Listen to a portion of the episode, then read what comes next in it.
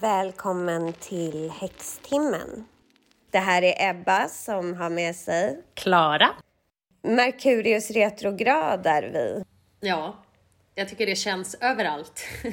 Jag tycker också det. Och jag hade en, som vanligt under Merkurius retrograd så la jag upp, eller jag brukar inte lägga upp det, men jag var så här, åh vad bra jag mår den här retrograden, alltså under de första dagarna. Så jag la upp på Ja. min Instagram typ så här, jag mår väldigt bra av den här retrograden, har längtat efter att det ska bli lite eh, långsammare och du vet sådär. Och sen så då så började jag känna av eh, retrograden. Jag hade en liten försenad reaktion tror jag på valet. Den sida som jag, min, min sida i valet vann ju inte. Men det var ju lite oklart efter röstningen. Alltså den var ju Ja. inte helt klar. De pratade ju om så här, ja men vi ska räkna röster och det är så jämnt och sådär. Så att man visste ju inte heller riktigt vilka som hade vunnit. Nej. Men sen igår blev jag riktigt, tyckte jag var riktigt deppigt när man liksom insåg att så här, okej, nu har Magdalena Andersson avgått, Annie Lööf avgår, nu har vi en ny mörk, mörk blå regering. Ja.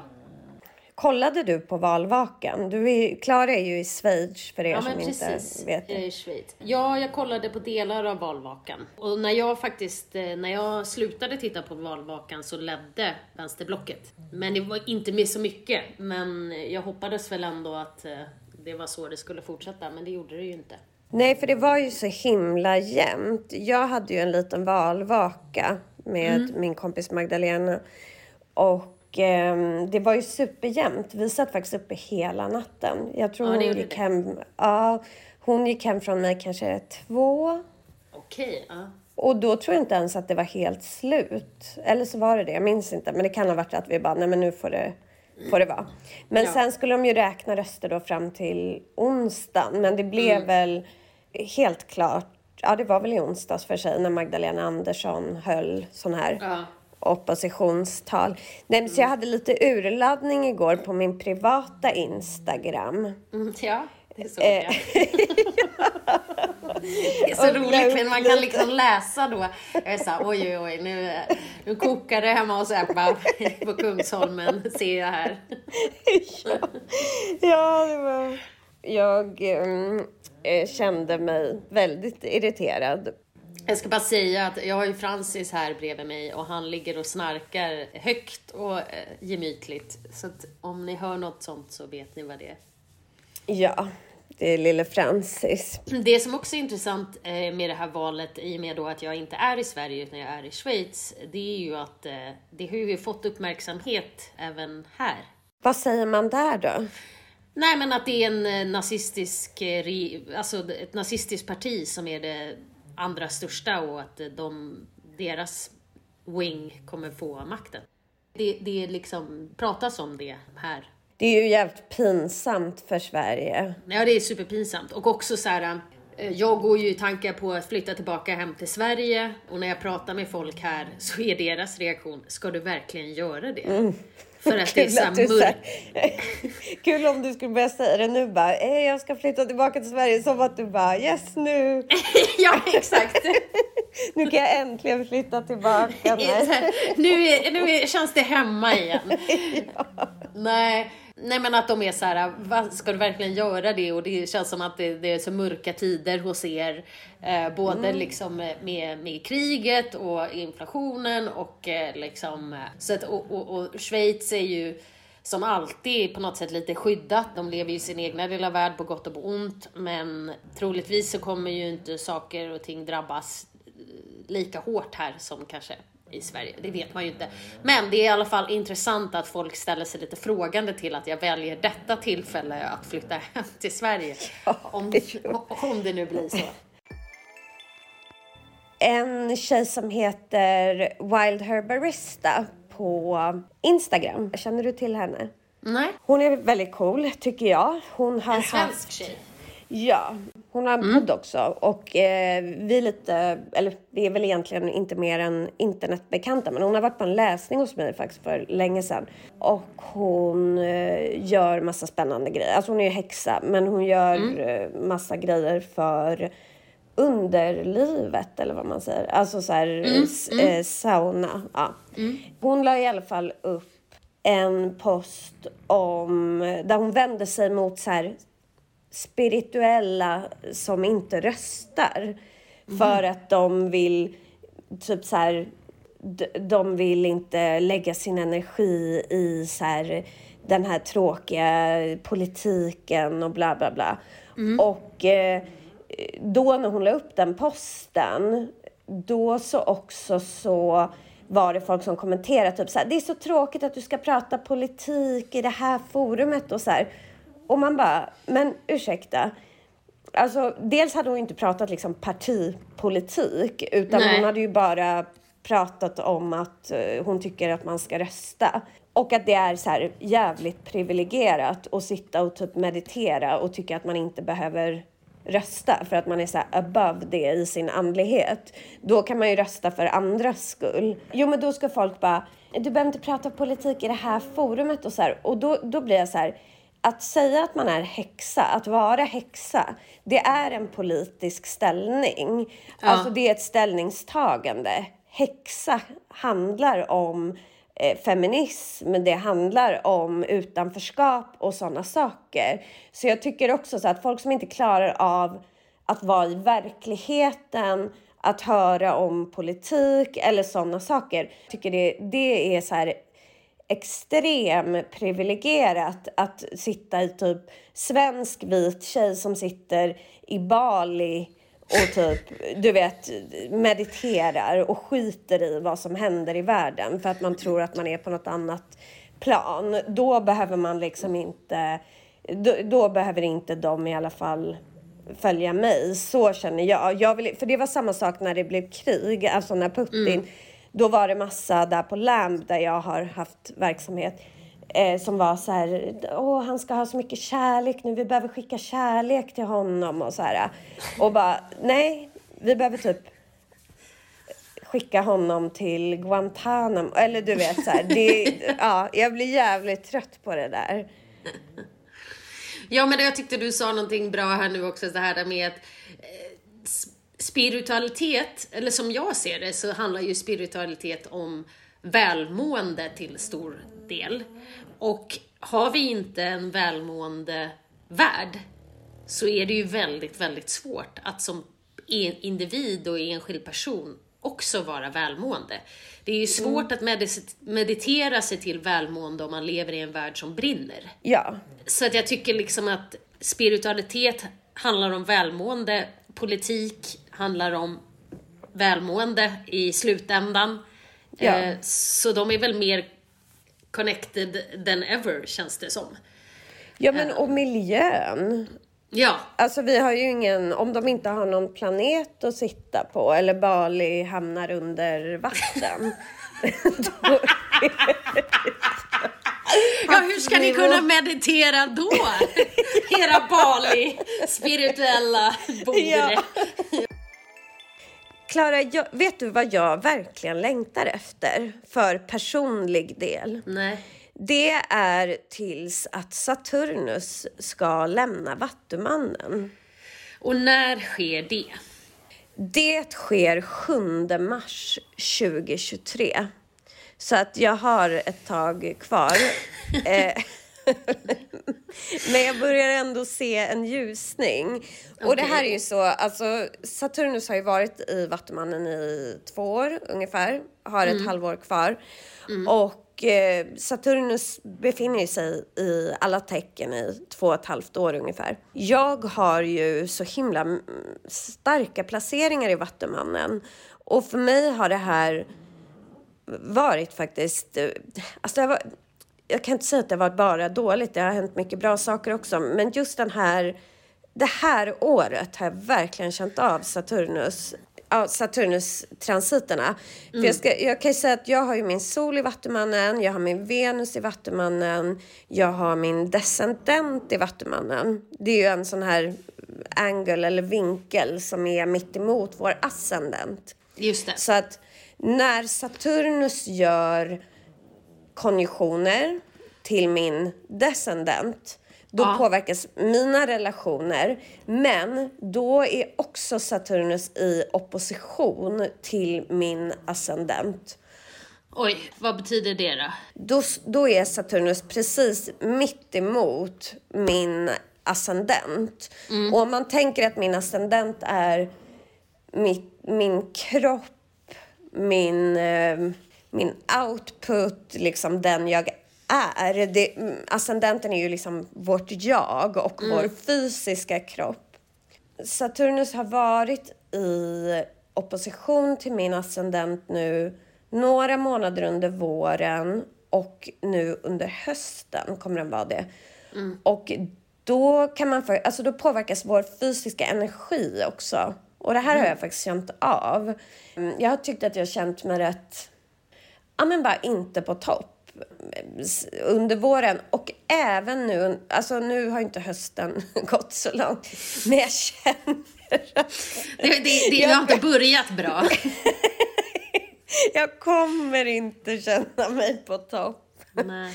Senaste veckan har jag haft mycket så här förkylningar och ni vet. Och då sa jag till Ylva, jag bara, jag tror jag måste gå till en sån här kinesolog eller vad man säger. Och hon bara, kanske också kunde gå till en vanlig doktor. Jag bara, ja, jo. Eh, kanske. Men ehm, nej, jag bara känner att det har varit jävligt prövande i både relationer, och då pratar inte jag om kärleksrelationer, för jag, de är obefintliga kan jag meddela. Jag har inte haft några överhuvudtaget kärleksrelationer på hela 2022, vilket ju också säger någonting. Men jag känner att det påverkar också mina liksom, vänskapsrelationer, mina arbetsrelationer och sådana saker. Saturnus är ju det är ju inte en enbart negativ planet utan det här har ju förhoppningsvis på sikt kommer det här ha gjort mig gott. Att jag kanske rensar ut lite relationer om du förstår. Alltså man känner att den här relationen håller inte. För det är så man kan känna Saturnus att Alltså när Saturnus kommer in i ett område då tittar vi ju på vilket hus den är i och sådär. Och den har ju då varit i mitt sjunde hus i två år typ. Och det är ju mitt hus för relationer och partnerskap och sådär. Och om man har till exempel, om man inte har något transit där, då kanske man är så här, ja ja den här relationen är inte toppen men vi låter den vi låter den vara ungefär. När Saturnus är där så klarar vi inte av det. Utan då, då ställer vi liksom krav på Ja, att saker ska funka. Men alltså, mitt eh, 2022 har också varit ett jävla skitår alltså. Ursäkta lyssnare, det där blir ett deppigt avsnitt men det måste man få ha ibland. Vi sa det innan, man måste få ha deppiga dagar liksom. Ja, alltså jag kan fan inte minnas ett sämre år. eh, och det är liksom också på alla plan. Alltså det är inte så här att jag, ja, relationsmässigt har det varit jättedåligt men arbetsmässigt har det funkat. Eller du vet så här, det är bara det ena efter det andra och tredje och femte liksom.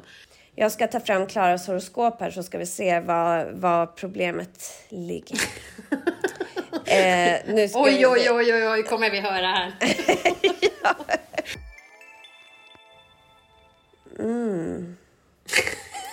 Ebba läser mitt horoskop nu, därför kommer det små konstiga ljuduttryck. Mhm. Du har faktiskt haft en opposition mellan Pluto och din ascendent. Så att vi kan säga att om jag gnäller då över min Saturnus opposition till min ascendent så är din Pluto-ascendent, eller din Pluto-opposition lite mer hardcore. Vad betyder det? Den är mer extrem. Om man tänker att vi kan tänka på om vi ska göra planeterna lite till personer. För då lär man känna vilka är de, vad har de för personlighet. Saturnus, det är typ Alltså jag tänker en sträng gammal gubbe, typ en lärare, kanske en revisor eller någon på så här ja, vad ska man säga, någon som jobbar statligt eller någonting som kommer in i ens liv och bara varför har du den här relationen? Du vet ju att den inte är bra för dig på sikt. Nu är det dags att du tar tag i det här och typ varför röker du? Du vet att det är dåligt för din här. Nu skärper du dig, annars kommer du få ha ont i lungorna i sex månader nu. Förstår du? Ja, jag fattar. fattar. Så den tvingar oss att ta ansvar, att städa upp. Men den gör det på ett Harsh sätt. ja, lite gnälligt sätt och lite så här. Den visar oss konsekvenserna Okej. av det vi, om vi liksom då har låtit vår hälsa fallera under ett tag så kommer den in och säger kolla nu här vad du har åstadkommit. Nu är det här du får betala. Nu är det dags att du ordnar upp det här. Okej. Pluto är typ som en galning som bara kommer in och vrålar. och som tänder eld på ditt hus för att du ska tvingas flytta därifrån. Förstår du? Okej. Ja. Pluto vill förgöra dig för att du ska kunna födas på nytt. Jo.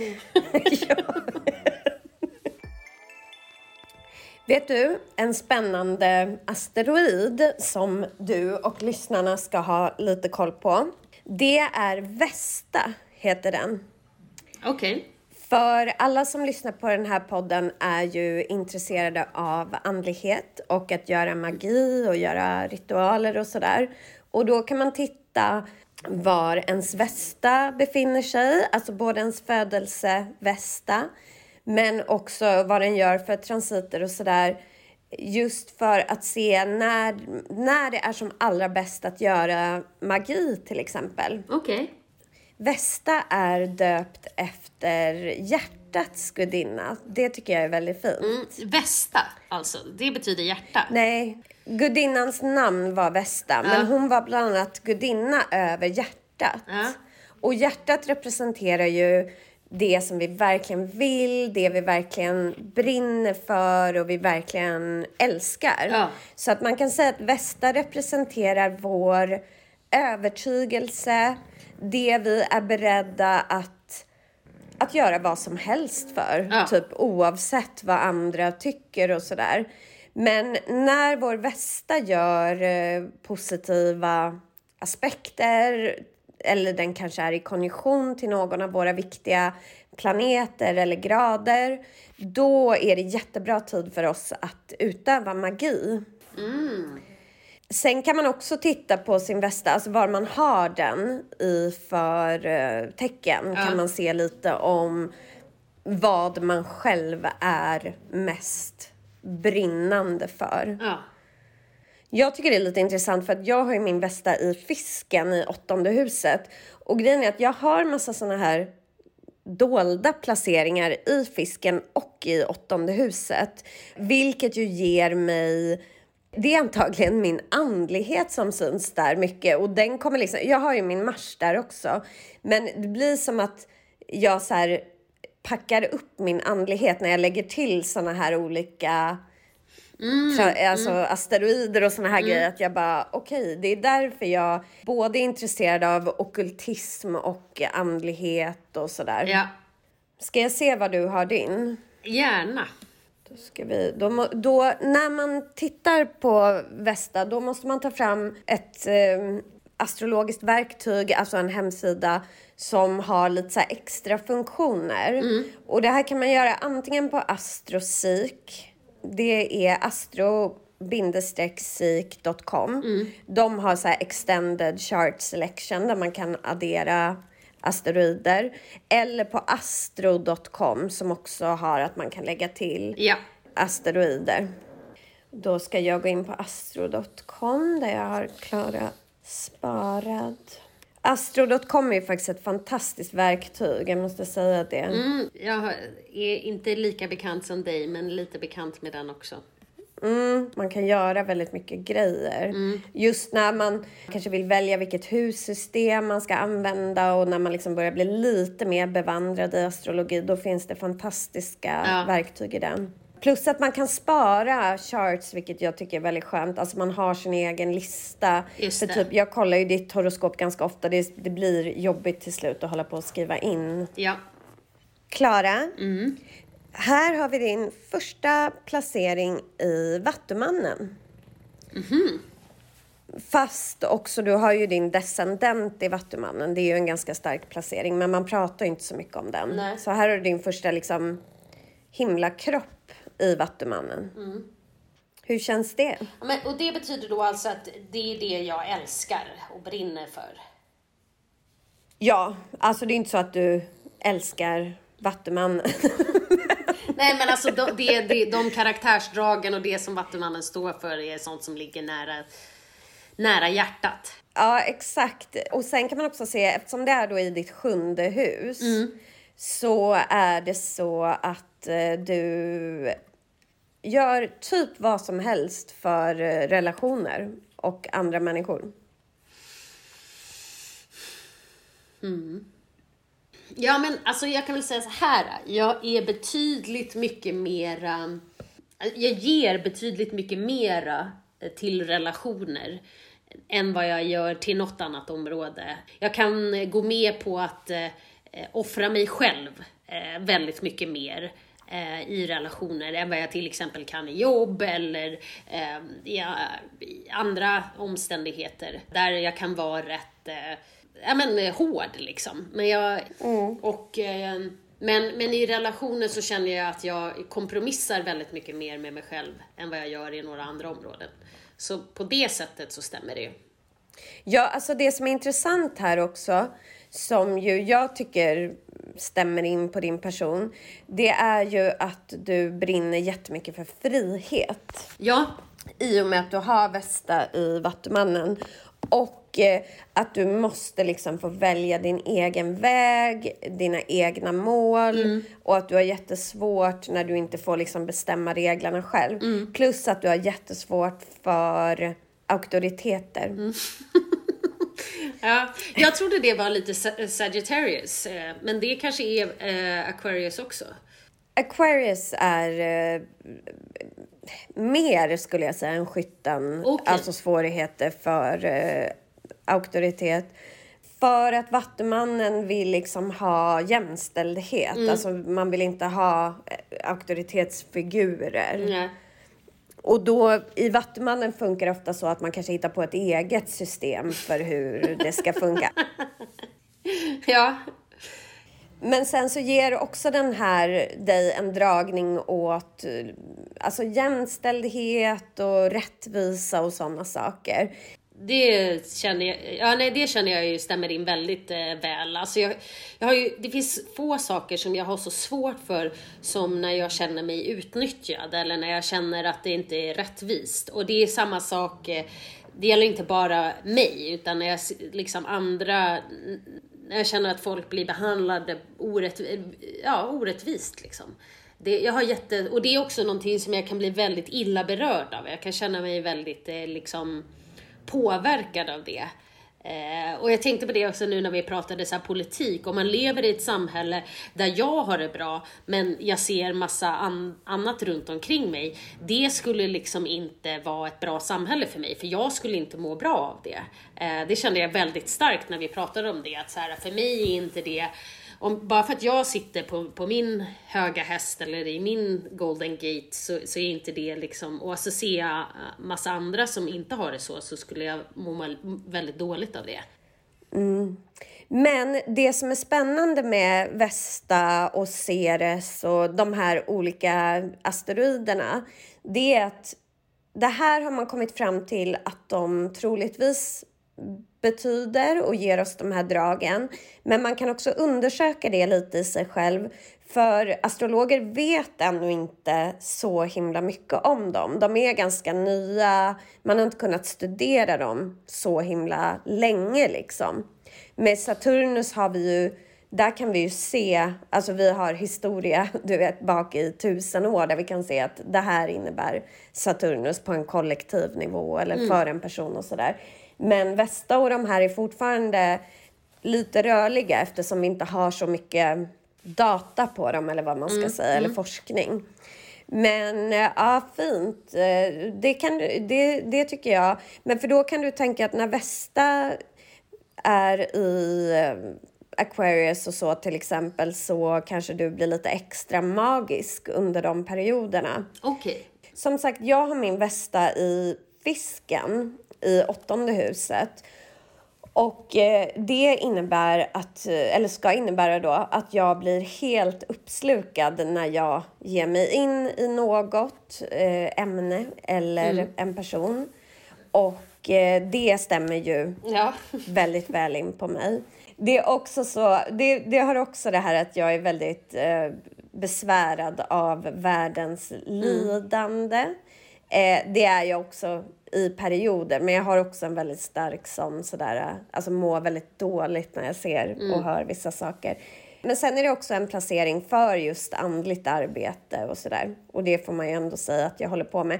Samma sak med åttonde huset så blir det alltså att man är intresserad av eh, det dolda i livet och av det ockulta. Men så de tycker jag stämmer väldigt bra in. Nu ska vi se på var Västa är just nu. Ja, men Klara. Västa är faktiskt i Vattumannen just nu. Jaha, och då är, det, jag, då är jag extra magisk eller?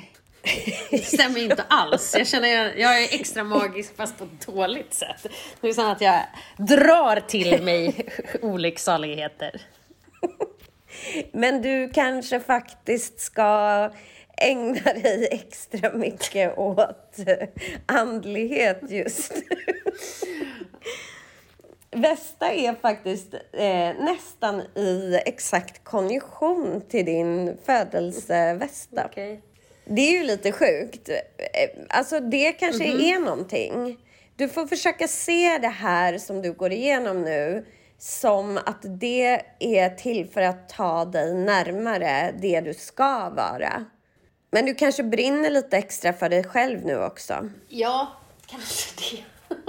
Vi, vi måste vända oss till Gandalf. This too shall pass. Mm. Gandalf. Ja, han sa väl det. Eller kanske är någon annan som sa det. Ja, alltså. Jag har en annan favorit, eh, citatfavorit, Ja. när jag mår dåligt. Eller när man går igenom skit. Det är ju Winston Churchill. Ja, ja, men eh, han har ju en jävla massa, men många av dem är ju väldigt bra. Success is not final, failure is not fatal, it is the courage to continue that counts. Ja, ja. Och den här, success is stumbling from failure to failure with no loss of enthusiasm. Och den sista jag ska säga, when you're going through hell, keep going. Ja, nu ska vi prata om en annan tråkig nyhet. Ja, det är verkligen ett positivt eh, avsnitt det här. Prepare, du får ha en sån här disclaimer när du skriver så här. För känsliga lyssnare. Eh, Inte för de som praktiserar positive thinking. nej. Drottning Elisabeth har ju gått ur tiden. Ja. Och det är ju väldigt tråkigt. Men man kan inte heller vara så här: no, alltså hon var ju... Ja men alltså, ja, apropå det så, Den nya prime ministern höll ju ett tal där hon sa så här: We're so in shock. Och då kände jag lite så här: But really? Liksom, hon var ju ändå vadå, 96 år gammal och Ja. hon hade ju liksom gått, det, det har ju gått neråt de senaste åren. Vilket inte är så konstigt för hon är ju nästan 100 år gammal. Det är ju Ja. liksom, hon har, ja. Så jag kände lite så här, just kanske de ordvalen kändes lite så här. Ja, och så där blev ju min mamma också, jungfru Scorpio rising. För jag skickade ju så här, drottningen är död, sådär. Och eh, då fick jag ju tillbaka så här, ja det är ju tråkigt men hon var ju faktiskt väldigt gammal Ebba. Ja. ja, jag är lite med din mamma där. Jag tycker det är så här. Ja, Jo, men calm jag är down, det också. Ja, men jag ska säga så här, jag är inte chockad över att hon dog. Det var väl så att man, det var väl relativt väntat. Däremot så känner jag så här att det är lite tråkigt för att hon representerar också en äldre tid. Något jag vill säga till det här politikgrejen också, att man kan säga mycket om äldre generationer och de var ospirituella och så vidare. Men de var anständiga och anständigheten är faktiskt en bristvara nu i Sverige. Utvecklad anständiga.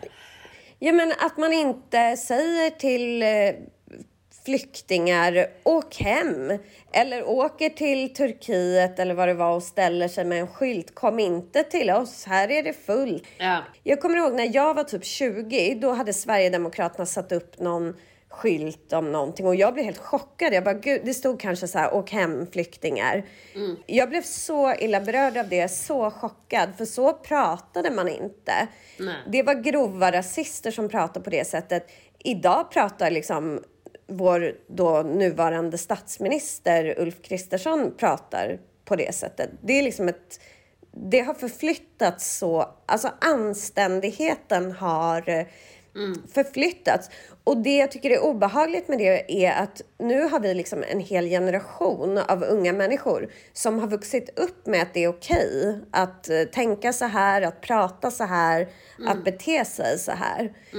Ehm, och då tänker jag att drottning Elizabeth liksom inte bara hon, utan väldigt många människor. Men hon är också en sån som faktiskt verkligen representerar en anständighet som går ur tiden nu. Vi får väl hoppas att Charles också är anständig. Nu låter det som att vi är världens royalister. Det är vi ju inte. Men jag tycker också är roligt, så här, vi får hoppas att Charles är anständig. Det har han väl redan bevisat att han inte är, så att jag tänker att det hoppet, är- ja. Ja, det är också kul för att jag har fått en hel del, för att jag, som sagt, jag är inte royalist. Men jag har ju en koppling till Queen Elizabeth. Hon är ju eh, min moster. Nej, jag skojar. eh, Men jag måste, jag måste också säga, hur hänger royalism, om vi pratade så här att folk inte tycker att spiritualitet och politik hör ihop, medan du och jag hävdar motsatt. Vad, hur, hur förhåller sig spirituali, spiritualitet och royalism? Är det någonting som, vi, som folk tycker hänger ihop eller ej? Nej, jag tror inte. Alltså grejen är att jag är ju i grunden emot kungahus. Ja. Alltså så måste jag ju säga. För att jag tycker det är helt orimligt liksom att en släkt ska vara upphöjd eller så här. Men, men det är ju inget som jag... Alltså vill folk ha kung och drottning så får man väl ha det. Jag vet inte hur man ska titta på andlighet. Alltså det är jättesvårt att säga. Men tror du att de som tycker att politik och andlighet ej hör ihop, tror du att de tycker att royalism och andlighet hör ihop? Jag vet inte. jag tror inte de bryr sig. Okej, okej. Eller jag vet faktiskt. Det bryr sig folk om liksom kungligheter utöver drottning Elisabeth? Ja, men det gör de väl. Alltså, det har Eller ju varit... gör du det? Alltså tänker du så här, undra vad kungen har för hund? Alltså vår egen kung. Honom Nej. skiter man väl ändå i? Ja, men bara för att du och jag gör det så är det ju inte så att... Jag menar... Nej, det är sant. Ja. Nej, men jag ska ju berätta min koppling till ja. drottning Elisabeth. Varför jag har fått personliga liksom, kondolenser ungefär. Eller att folk har så här, skickat till mig bara, åh vad tråkigt och sådär. Det är ju för att vi har samma hundras. Ja. Och det var faktiskt rätt kul efter hon hade dött. För då, jag och Elfin gick i Humlegården. Och då hör jag två personer som ställer sig och tittar på Elfin, lite äldre personer, så bara Tänk att vi fick se en korgi idag. Vad märkligt! Så de såg liksom Elfin som ett andligt tecken från drottningen. Ja. Men så att det är därför. Och jag har väl gillat henne som hundägare framför allt. Ja, ja, och det tyckte jag var så rart nu när det också var så här, vad kommer hända med hennes hundar? Jag skickade ju det till dig och bara var så här, det här måste vi ju ta tag i. finns också en väldigt rolig historia. Hon hade någon sån här lord på besök. Och eh, då när han kom så nafsade en av hennes korgis honom i handen. Korgis gör ju lite så, alltså de, de är ju lite så nafsiga ja. liksom. Och då så sa han, då slog han till hunden. Va? Och så sa han så här, what a useless thing. då sa hon ingenting. Men när han kom ner från sitt rum några timmar senare och trodde att han skulle gå på middag, då stod hans väskor packade och chauffören redo och han blev utslängd. Vart har du läst det här då? Det var en dokumentär som gick på TV4 för typ två år sedan när folk inifrån hovet berättade om hundarna. Ja. De berättade vad de fick för mat och sådär.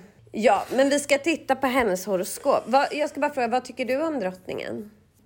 Jag, jag, tycker att det är lite komplicerat för att eh, det, det, har, det har jag, också, jag har också följt de här, eh, jag menar de, hon har ju varit en del av att kolonisera väldigt ja. mycket i världen eh, och jag tycker att det är lite, vi, ja jag tycker att hon är liksom cool och bra men samtidigt så står hon ju för väldigt mycket saker som jag inte stödjer jag vet inte vad jag tycker. Alltså det, det, jag tycker det är synd om hennes nära och kära som förlorar en familjemedlem. Liksom. eh, men jag vet liksom inte riktigt om jag tycker att det är någon så här världssorg. Det, det kan man ju lyssna på Charles. Han sa ju så här, eh, hennes liv är ett exempel på typ någon så här life fully lived. Och så är det ju.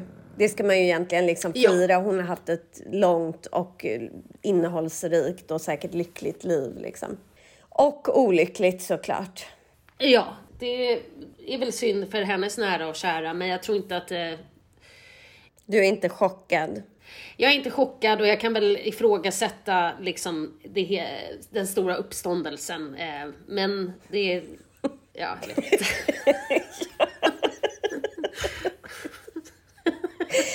ja. Eh, men vi ska titta på hennes horoskop, för det är kul. Ja. Och sen kommer vi också komma in lite på dödshoroskop och då kommer jag nämna några grejer som, eller vi kan börja med det då. Eftersom vi precis har pratat om Pluto. Och jag måste säga en sak när man tittar på dödshoroskop, att det är extremt sällsynt och jag skulle säga att det inte är okej att försöka så här förutsäga död mm -hmm. genom astrologi. Det gjorde ju sådana som Evangeline Adams till exempel, men det var ju alltså över hundra år sedan. Då hade man kanske en lite annan syn på det. Varför man inte gör det är för att saker kan tolkas på så himla många olika sätt. Det är väldigt stor risk att man har fel. Och för att det inte är trevligt att göra så. Trevligt? ja.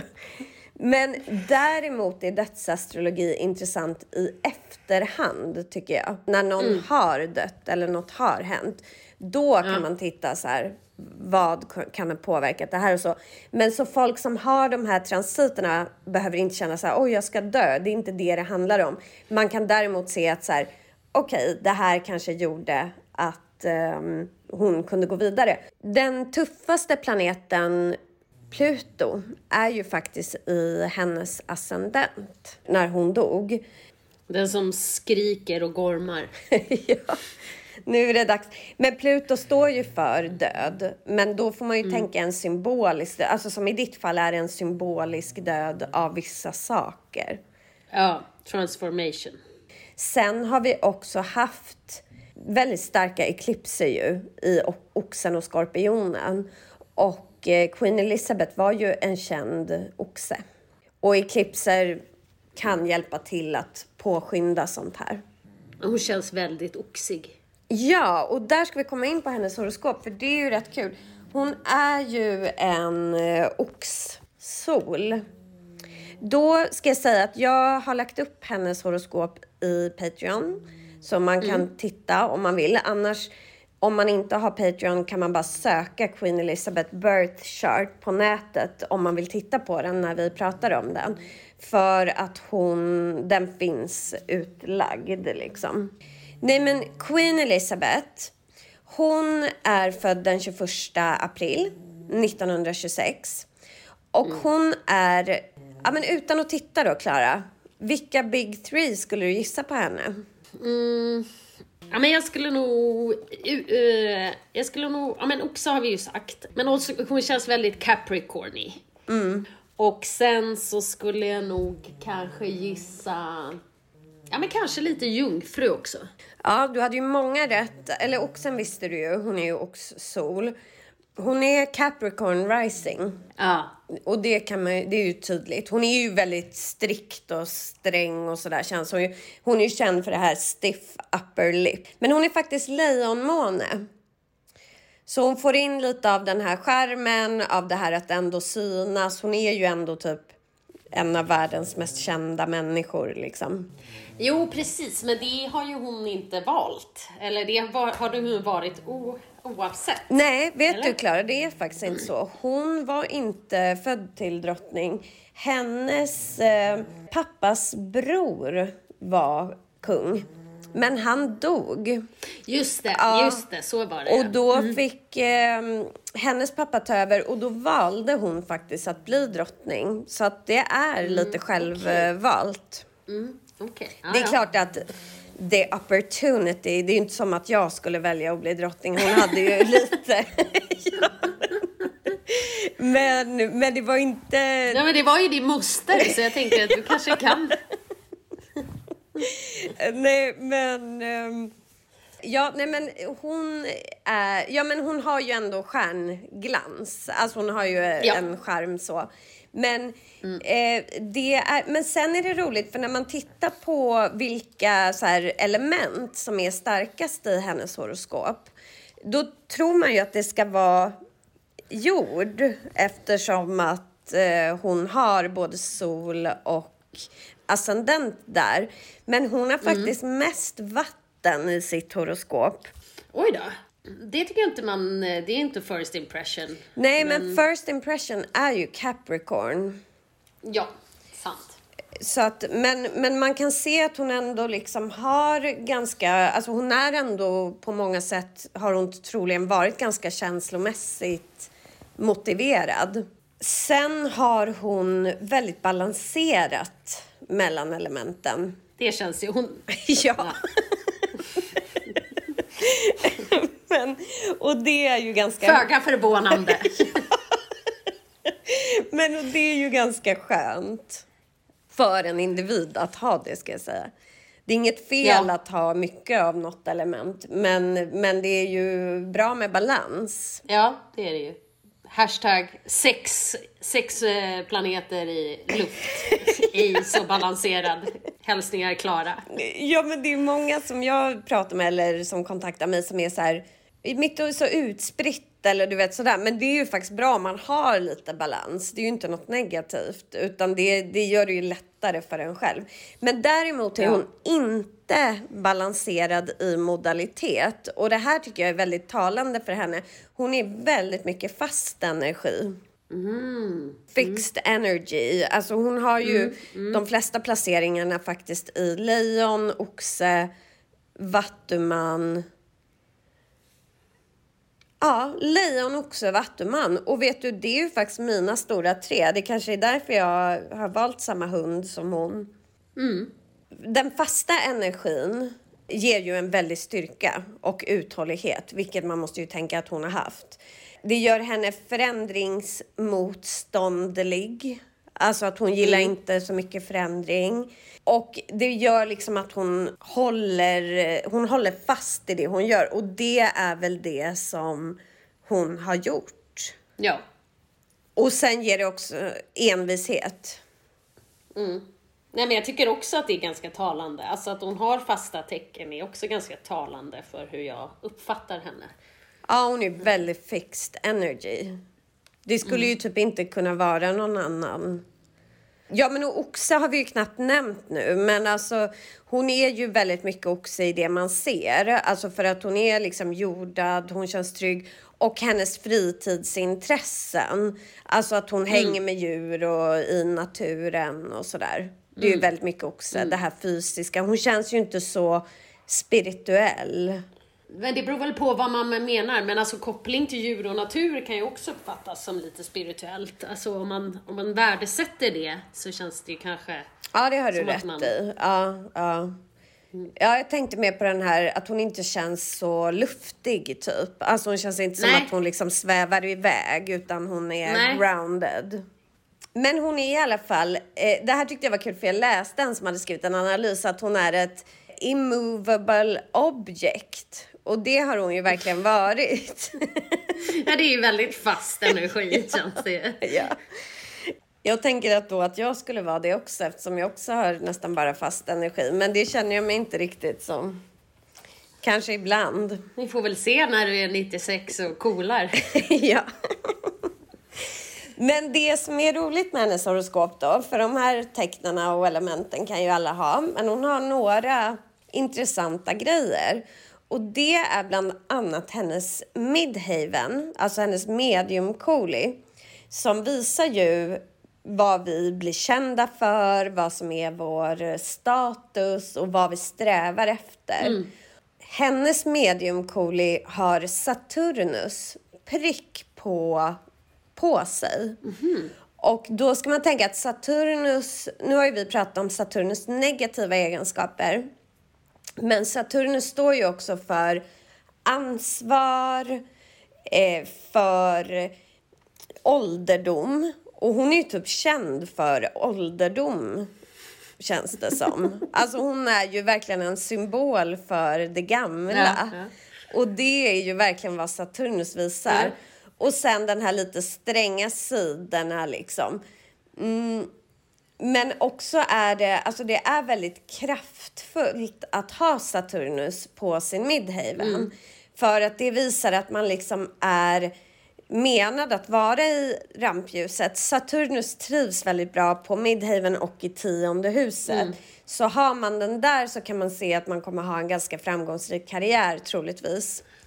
Och den visar på långsiktighet. Och hon har alltså varit känd i typ 80 år eller vad det blir. Ja, det är också definitionen av långsiktighet är ju typ ja, ja. ja.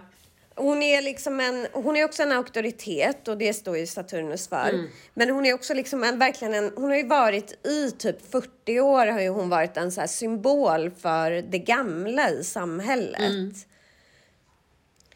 Och det som kanske då, som du sa, jag pratade om anständighet och att det är positivt, men sen som du pratade om så här kolonialmakter och sådana här saker som inte är så positivt, så man får ju in båda dem grejerna där. Men det var lite kul för jag lyssnade, när hon dog var jag tvungen att gå tillbaka till ett så här årsavsnitt som jag och Agnes gjorde om vad som skulle hända det här året. Och då hade ju Nostradamus sagt att någon stor ledare skulle dö. Ah. Men då sa just Agnes så här, ja det var ju lite kul för då pratade vi om att det kunde vara Queen Elizabeth. Men då sa Agnes just så här, ja man har ju sagt i typ 40 år att hon är så himla gammal. så det är ju liksom den känslan man har Ja. av henne. Och det visar ju verkligen Saturnus där, hon är liksom känd för att vara typ gammal. Ja, ja, nej, men det var verkligen. Nej men och sen då måste jag säga några saker till som man ser.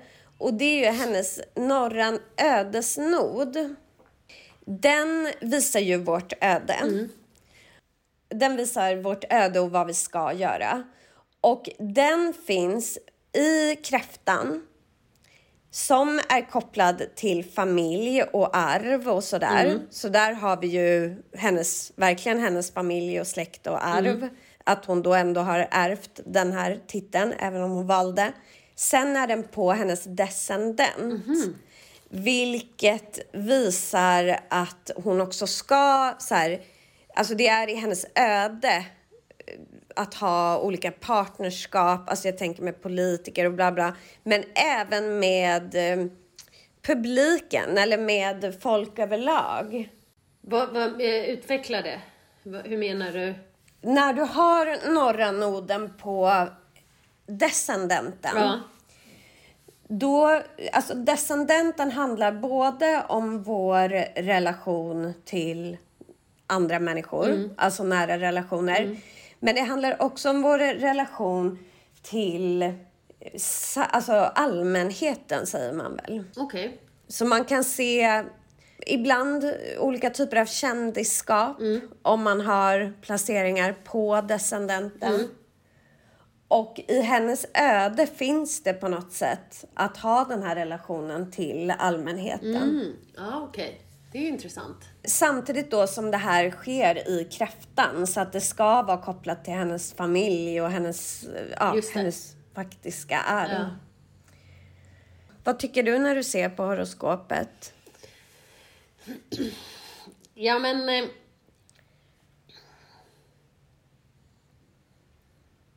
Jo, men jag tycker att det visar ändå på någon så här... Um, mm, jag tycker att hennes uh, Big Three är ju ganska tydliga då, då, som vi diskuterade.